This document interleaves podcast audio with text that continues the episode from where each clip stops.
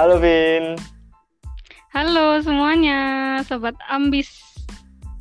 nah, ya nih, aku bikin podcast yang namanya ambisi.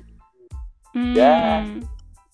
Siapa tahu sih bisa uh, tertular lah ambisi-ambisi dari Vina. nice, nice, bagus banget, keren.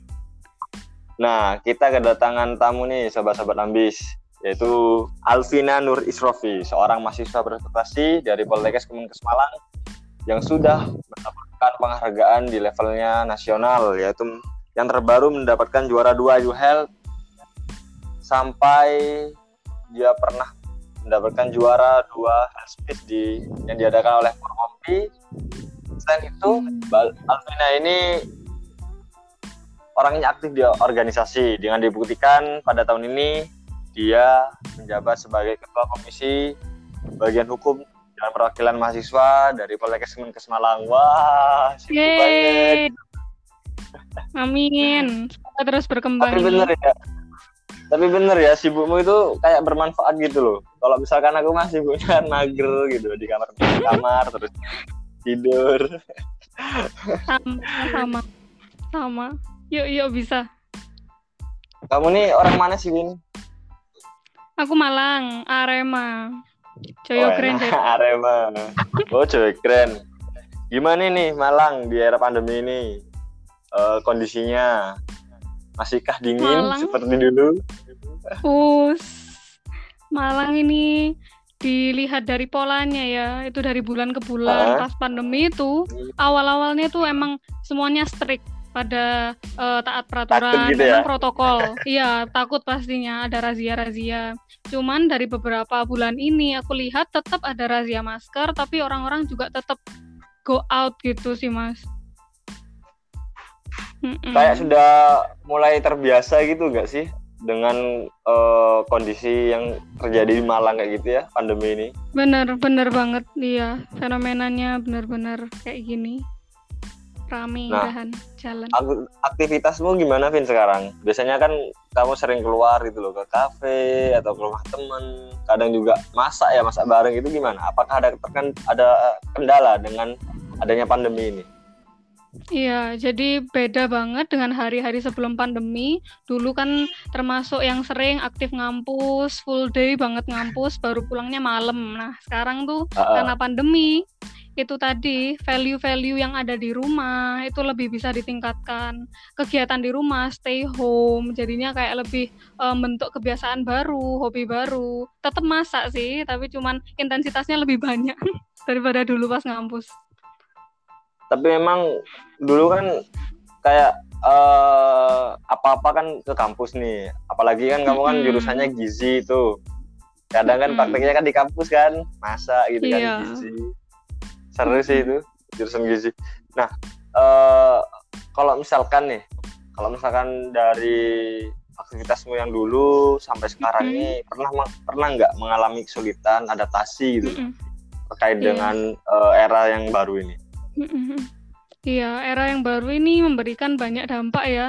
Tentunya kayak lebih penyesuaian atau adjustment itu tadi dari yang aku plotkan nih selama 8 bulan kita iya. pandemi yeah. yang aku rasakan itu pastinya banyak kendala kendalanya di uh, awalnya uh, penolakan jadi tiga bulan pertama ini kok gini sih kok terkurung banget di kaget uh, iya kaget mas di rumah setelah itu lama-lama beberapa bulan ini oh ternyata ini keadaannya mulai gini nggak bisa ada yang diubah kecuali mulai dari diri sendiri perubahan-perubahan hobinya itu gitu adanya perubahan-perubahan ya Devin ya ter, terkait dengan hmm. adanya pandemi ini kak emang sih kayak ngerasa yang awalnya itu kan biasanya kan keluar gak pakai masker keluar mm -hmm. sampai malam ke kafe sekarang ini kayak ada batasan yeah. gitu kayak harus pakai masker kalau keluar pun kita nggak bisa sampai malam karena ada batasan psbb ataupun mungkin ada terkait jam yang diatur sama pemerintah daerah ya kalau di Malang seperti Bener. itu Mm-mm. Nah, kalau misalkan nih dari yang kamu rasakan, seorang Alvina itu seorang ambisius nggak? Oke, kita masuk ke ambisi ya ini terkaitnya. Uh, Kalau dari aku, iyalah. Oke, ini dari Vina sebagai Ah. versi dari yang aku lihat selama ini tuh aku ambisius. Ambisius ambisius. dalam beberapa hal. Beberapa hal ini kayak akademik, prestasi. Ini aku termasuk yang memiliki ambisi. Nah, tapi eh, selama ini memang ada yang harus diperbaiki nih dari aku terkait kendala-kendala yang aku alami. Misalnya ada ambisi yang kuat, tapi juga ada nggak konsistennya nih, Mas. Itu sih dari Hmm. aku. Mm-mm. Eh, sifat ambisius dari seorang Vina itu sudah muncul dari kapan sih, Vin? Oke, munculnya sih dari kecil ya pastinya. Misal hal-hal kecil kayak, oh aku pingin bisa lari cepat. Dulu tuh waktu kecil tuh hobinya lari mas. Jadi eh, Wah, lari setelah sekolah. Ya. Jadi setelah lari itu ada penghargaan. Nah, dapat penghargaan kalau udah lari putaran dapat satu stiker. Nah, akhirnya stiker ini yang jadi targetku nih. Oh, harus dapat stiker banyak ngalahin temen-temen. Nah, itu sih yang ambisi mulai dari kecil tuh. Di situ. Itu dari kecilnya itu pas SD atau gimana? Nah, iya di SD Lomba di larinya itu. Australia dulu. Heeh, Lomba lomba larinya lari itu- aktivitas lari sih. Mm-mm, Oh, dari maksudnya SD. yang ngadain, yang ngadain kamu misalkan lari terus dapat stiker itu siapa sih? Mm-mm. Yang ngadakan sekolah. Nah, jadi dulu Oh, se- sempat sekolah di Australia kan, Wah, terus nyoba aktivitas lari setelah eh, sekolah sore hari itu. Jadi hmm? mulai kebiasaan lari terus dapat stiker. Akhirnya reward-reward itu yang jadi ambisi pas kecil. Oh, oh, berarti eh, sekolah SD di Australia itu menerapkan hal-hal yang seperti itu ya, berawal dari hanya sebuah stiker Mm-mm. gitu kan, kayak sepele nggak sih Mm-mm. kayak misalnya kayak gitu itu, kayak Betul. padahal kan cuma stiker, tapi kan kalau misalkan orang anak kecil lah, seorang anak kecil kayak Iya. ada stiker Mm-mm. gitu kan, ada rewardnya berarti. Iya. Berarti seorang Vina ini eh, muncul ambisiusnya karena stiker ya awalnya. itu. Iya, betul. Iya sih, tapi iya sih aku dulu kan pernah kan eh, pas zaman SD juga ada stiker kayak gitu. Mm-mm. Kalau misalkan aku tuh stikernya bukan karena lari sih. Kalau di Probolinggo kan aku kan dari Probolinggo nih asalnya. Iya. Nah, heeh. di Probolinggo itu biasanya kalau semisal bisa menghafal perkalian, nah perkalian satu, dua, tiga, empat, lima, nah setiap perkalian itu kita mendapatkan sebuah apa namanya bintang gitu, ini ditempelin.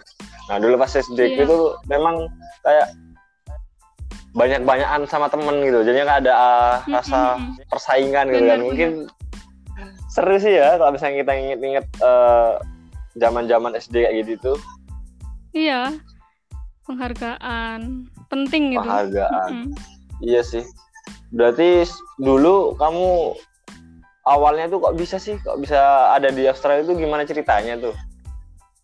Iya, dulu mama sekolah untuk Oh. S2 ya. Iya, Jadinya S2 sih. Sekeluarga semua ikut. Nah, ikut ta- itu tahun 2005. Jadi waktu TK mau ke SD. Aku menghabiskan waktu satu setengah tahun di Australia, SD. Hmm. Akhirnya 2007 pulang ke Malang lagi, gitu. Berarti sudah pernah mencicipi eh, suasana Australia, Vin? Iya, hawa-hawa menyenangkan. Nah itu dari Australia terus ke pindah ke Indonesia. Kendalamu apa sih, Vin? Kalau semisal dari seorang anak kecil yang kamu rasakan pada saat itu? Hmm, kendala pada saat itu umur lima tahun sampai tujuh tahun pasti dalam bidang-bidang bahasa ya Mas ya.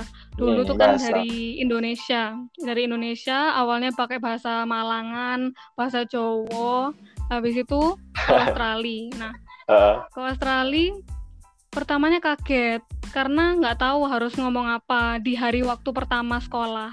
Akhirnya Ah. kan aku dulu di Melbourne. Di Melbourne, Melbourne. ini yes, kan Melbourne. sekolah di sana. nah, masuk itu. Sebelum masuk ke sekolah, mama sama Kak Fania itu juga nitipin catatan. Kalau nanti di kelas ditanyain namamu siapa, what is your name, atau uh, where do you come from, harus dijawabnya Vina. Terus I'm from Indonesia gitu. Itu dikasih catatan dalam buku tulis gitu. Awal-awalnya gitu jadi akhirnya penyesuaian bahasanya itu bisa develop dengan baik seiring berjalannya waktu dari minggu ke minggu bulan ke bulan nemu temen nemu temen dari Australia dari Afrika dari China itu semua kumpul kan. Kalau di Australia itu uh. termasuk diverse ya mas. Macam-macam oh berarti dalam satu lingkup SD-mu itu dulu nggak cuma orang Australia aja nggak cuma orang Indonesia aja ya berarti? Hmm Iya. Nah, itu kayak gimana ya?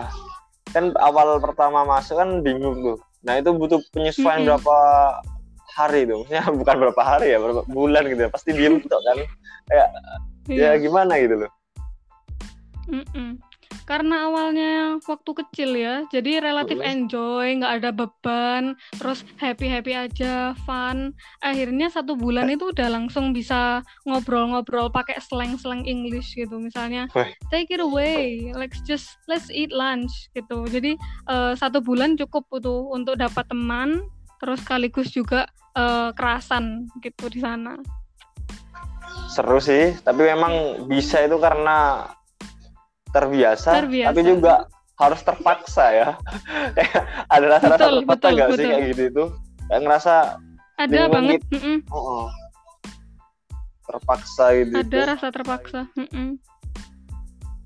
akhirnya lama-lama toleransi awalnya kan penolakan kok kangen ya oh. rumah di Malang gimana keluargaku di Malang sana keluarga besar di Malang sempat mengurung diri dulu dulu dengan usia enam tahun tujuh tahun mengurung diri di uh, toilet dengan mempertanyakan aku pengen balik ke Indonesia. Nah itu awal-awal satu bulan pertama. Terus akhirnya nerima. Sampai segitu ya memang tapi kan karena kondisimu uh, masih kecil kan. Umur berapa Vin kira-kira itu? Umur lima tahun itu, lima enam. Sudah merasakan yang namanya gak enaknya hidup. Itu kamu sekeluarga berapa, Bin? Iya. Langsung diboyong semua itu. Berapa keluarga? Berapa iya, namanya? Berapa awalnya, orang? Hmm, awalnya mama dulu yang kuliah di sana ah, beberapa uh, bulan. Setelah itu uh, aku, kakak, adik sama ayah langsung berangkat ke sana nyusul setelah tiga bulanan gitu. Akhirnya settle di uh, uh, di situ kan juga di dekatnya kampusnya mama tinggalnya. Jadi relatif cari sekolah yang deket dan juga bisa jalan dari rumah. Karena transportasi kan dulu juga nggak sering mas. Jadinya orang-orang jalan gitu. Tapi emang ya kalau misalkan hmm. jalan pun kita juga bisa olahraga sih sambil lihat-lihat pemandangan ya. bener. nah mm true true.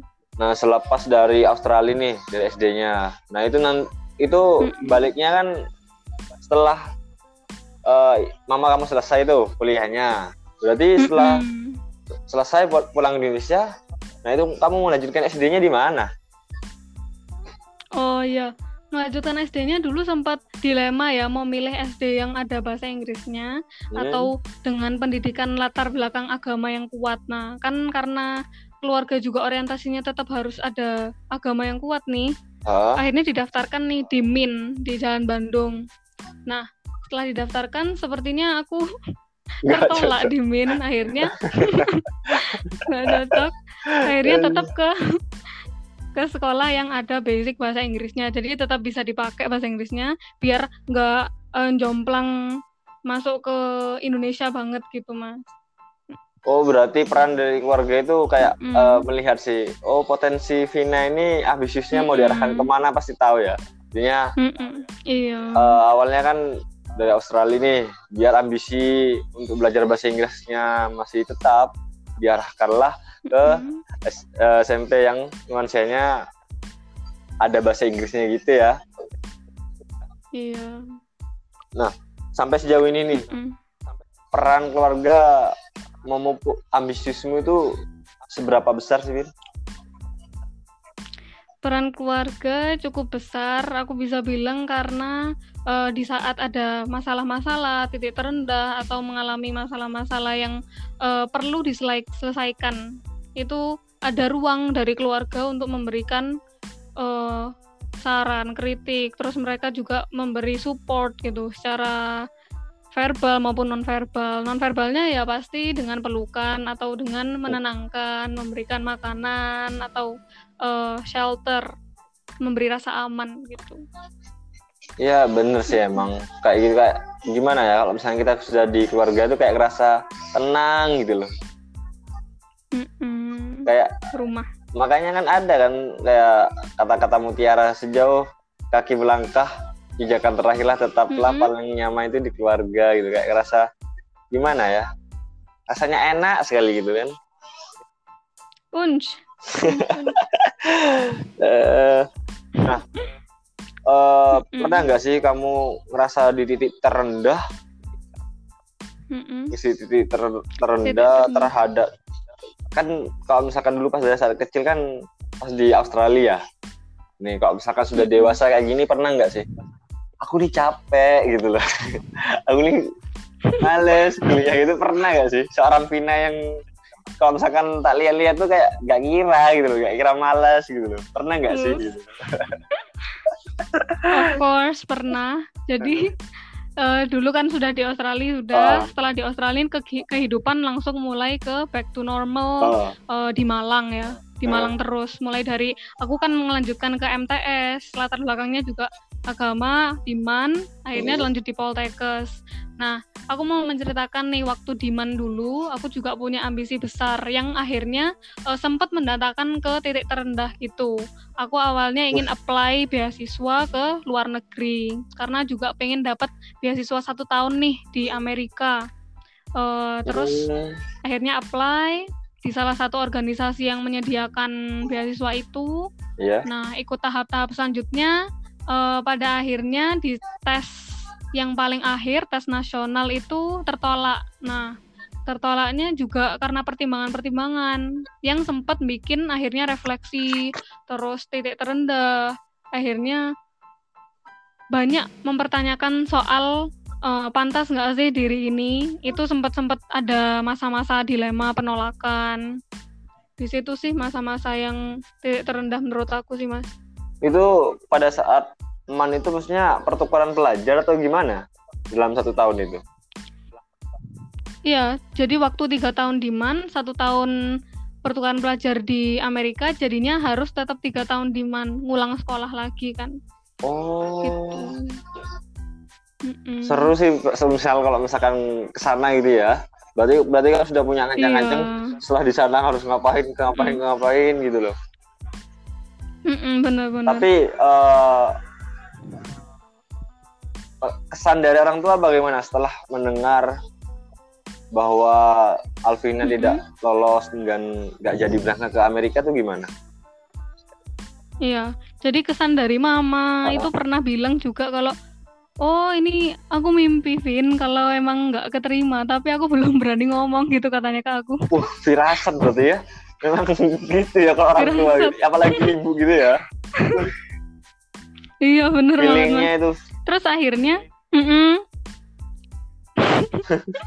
akhirnya kan dari respon orang tua yang kayak gitu berarti memang bukan waktunya kan di uh, di waktu itu. Uh -uh. bukan jalannya gitu ya. Mm. tapi memang ya gimana ya kalau misalkan nih kamu jadi ke Amerika ya gak bakal lah ketemu aku ini gak bakal gitu loh Mm, aduh, aduh, Tapi emang Siap. ya kegagalan itu cuma satu sih pembelajaran ya berkedepannya mm-hmm. Langkah selanjutnya dan pastinya kan ada hikmah di balik itu semua iya ada beberapa sih mas yang mau aku tambahin terkait itu titik terendahku kemarin waktu 2017 apa tuh? tiga tahun yang lalu yang apply beasiswa hmm. itu yang tadi mm itu banyak yang aku refleksikan. Yang pertama itu aku menyadari kalau memang ditunda waktunya ya. Mm. terus kedua itu aku bisa lebih fokus ke hal lain yang bisa aku lakukan di Malang gitu loh.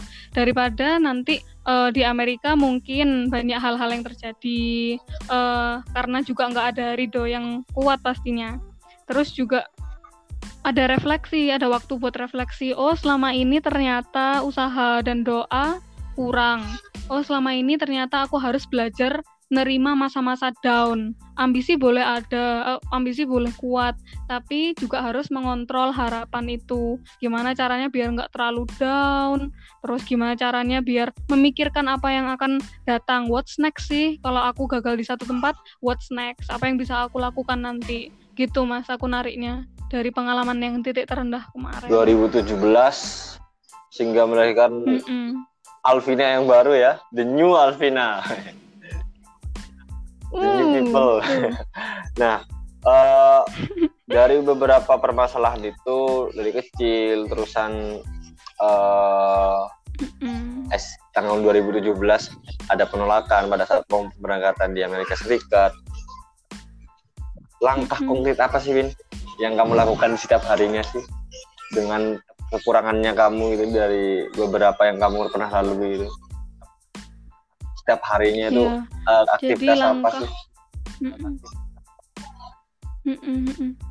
Uh, setelah ada beberapa fenomena yang terjadi di lalu itu akhirnya memutuskan untuk oh kalau mau ngapa-ngapain harus terencana. Cara biar terencana gimana? Akhirnya menulis. Hmm. menulis itu aku lakukan sejak uh, mengalami hal-hal yang mengganggu di pikiran. Kok mengganggu di pikiran ya? Berarti ini harus ditaruh di tempat lain nih. Akhirnya ditaruh di buku tulis untuk menuangkan ekspresi.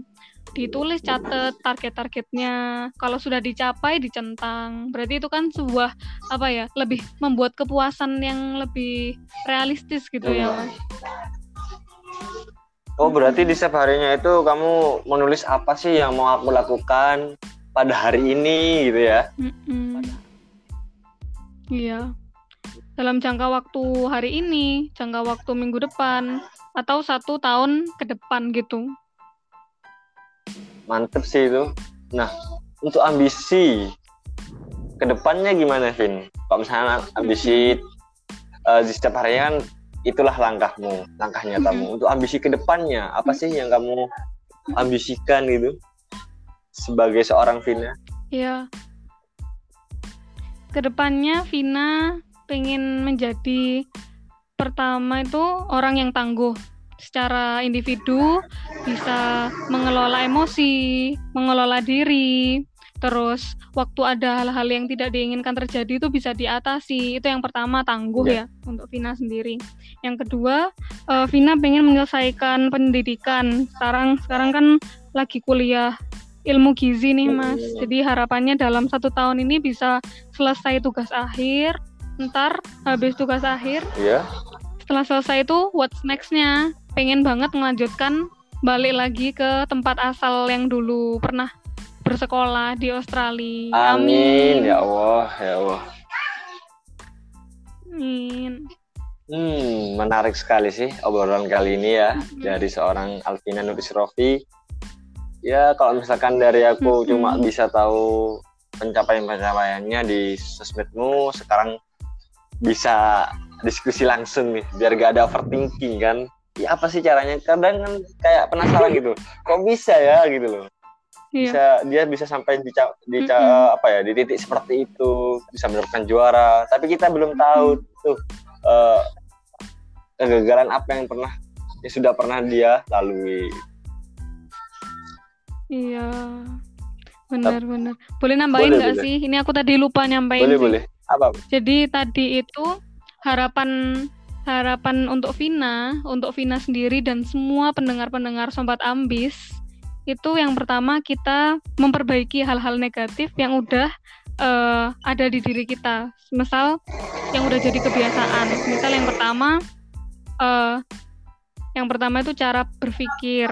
Nah, way of thinking. Terus gimana kita menghadapi masalah-masalah. Itu sih yang aku tarik dari sebuah ambisi dan cara mengelolanya gitu. Semoga bisa menginspirasi sih kalau dari aku. Gitu amin, ya Mas. Amin, amin ya robbal alamin. Terima kasih Kalvina atas diskusi yang menarik. Renyah gitu loh. Kres-kres gitu kan kayak makan kerupuk kena seru gitu kan. Tapi memang ambisi itu akan timbul kalau misalkan kita terbiasa dan kita merasa terpaksa gitu ya. Mm-mm. Iya. Oke. Okay. Kita tutup uh, diskusi yang renyah ini semoga sobat-sobat ambis bisa men, uh, menarik hal-hal positif dari obrolan yang seperti ini ya. Terima kasih Mbak Alvina. Amin. Semoga kita bisa berjumpa kembali. Uh, jangan lupa untuk sahabat-sahabat ambis Amin. dan Mbak Alvina nih bisa ngisi kuesioner dari ambisi di IG ambisi ID untuk bisa memberikan pendapatnya terkait dengan podcast ambisi ID. Terima kasih. Oke, Wassalamualaikum. Keren-keren banget ini. Awal yang baik. Oke, Kak. Terima kasih. Warahmatullahi wabarakatuh. Dadah. Dadah.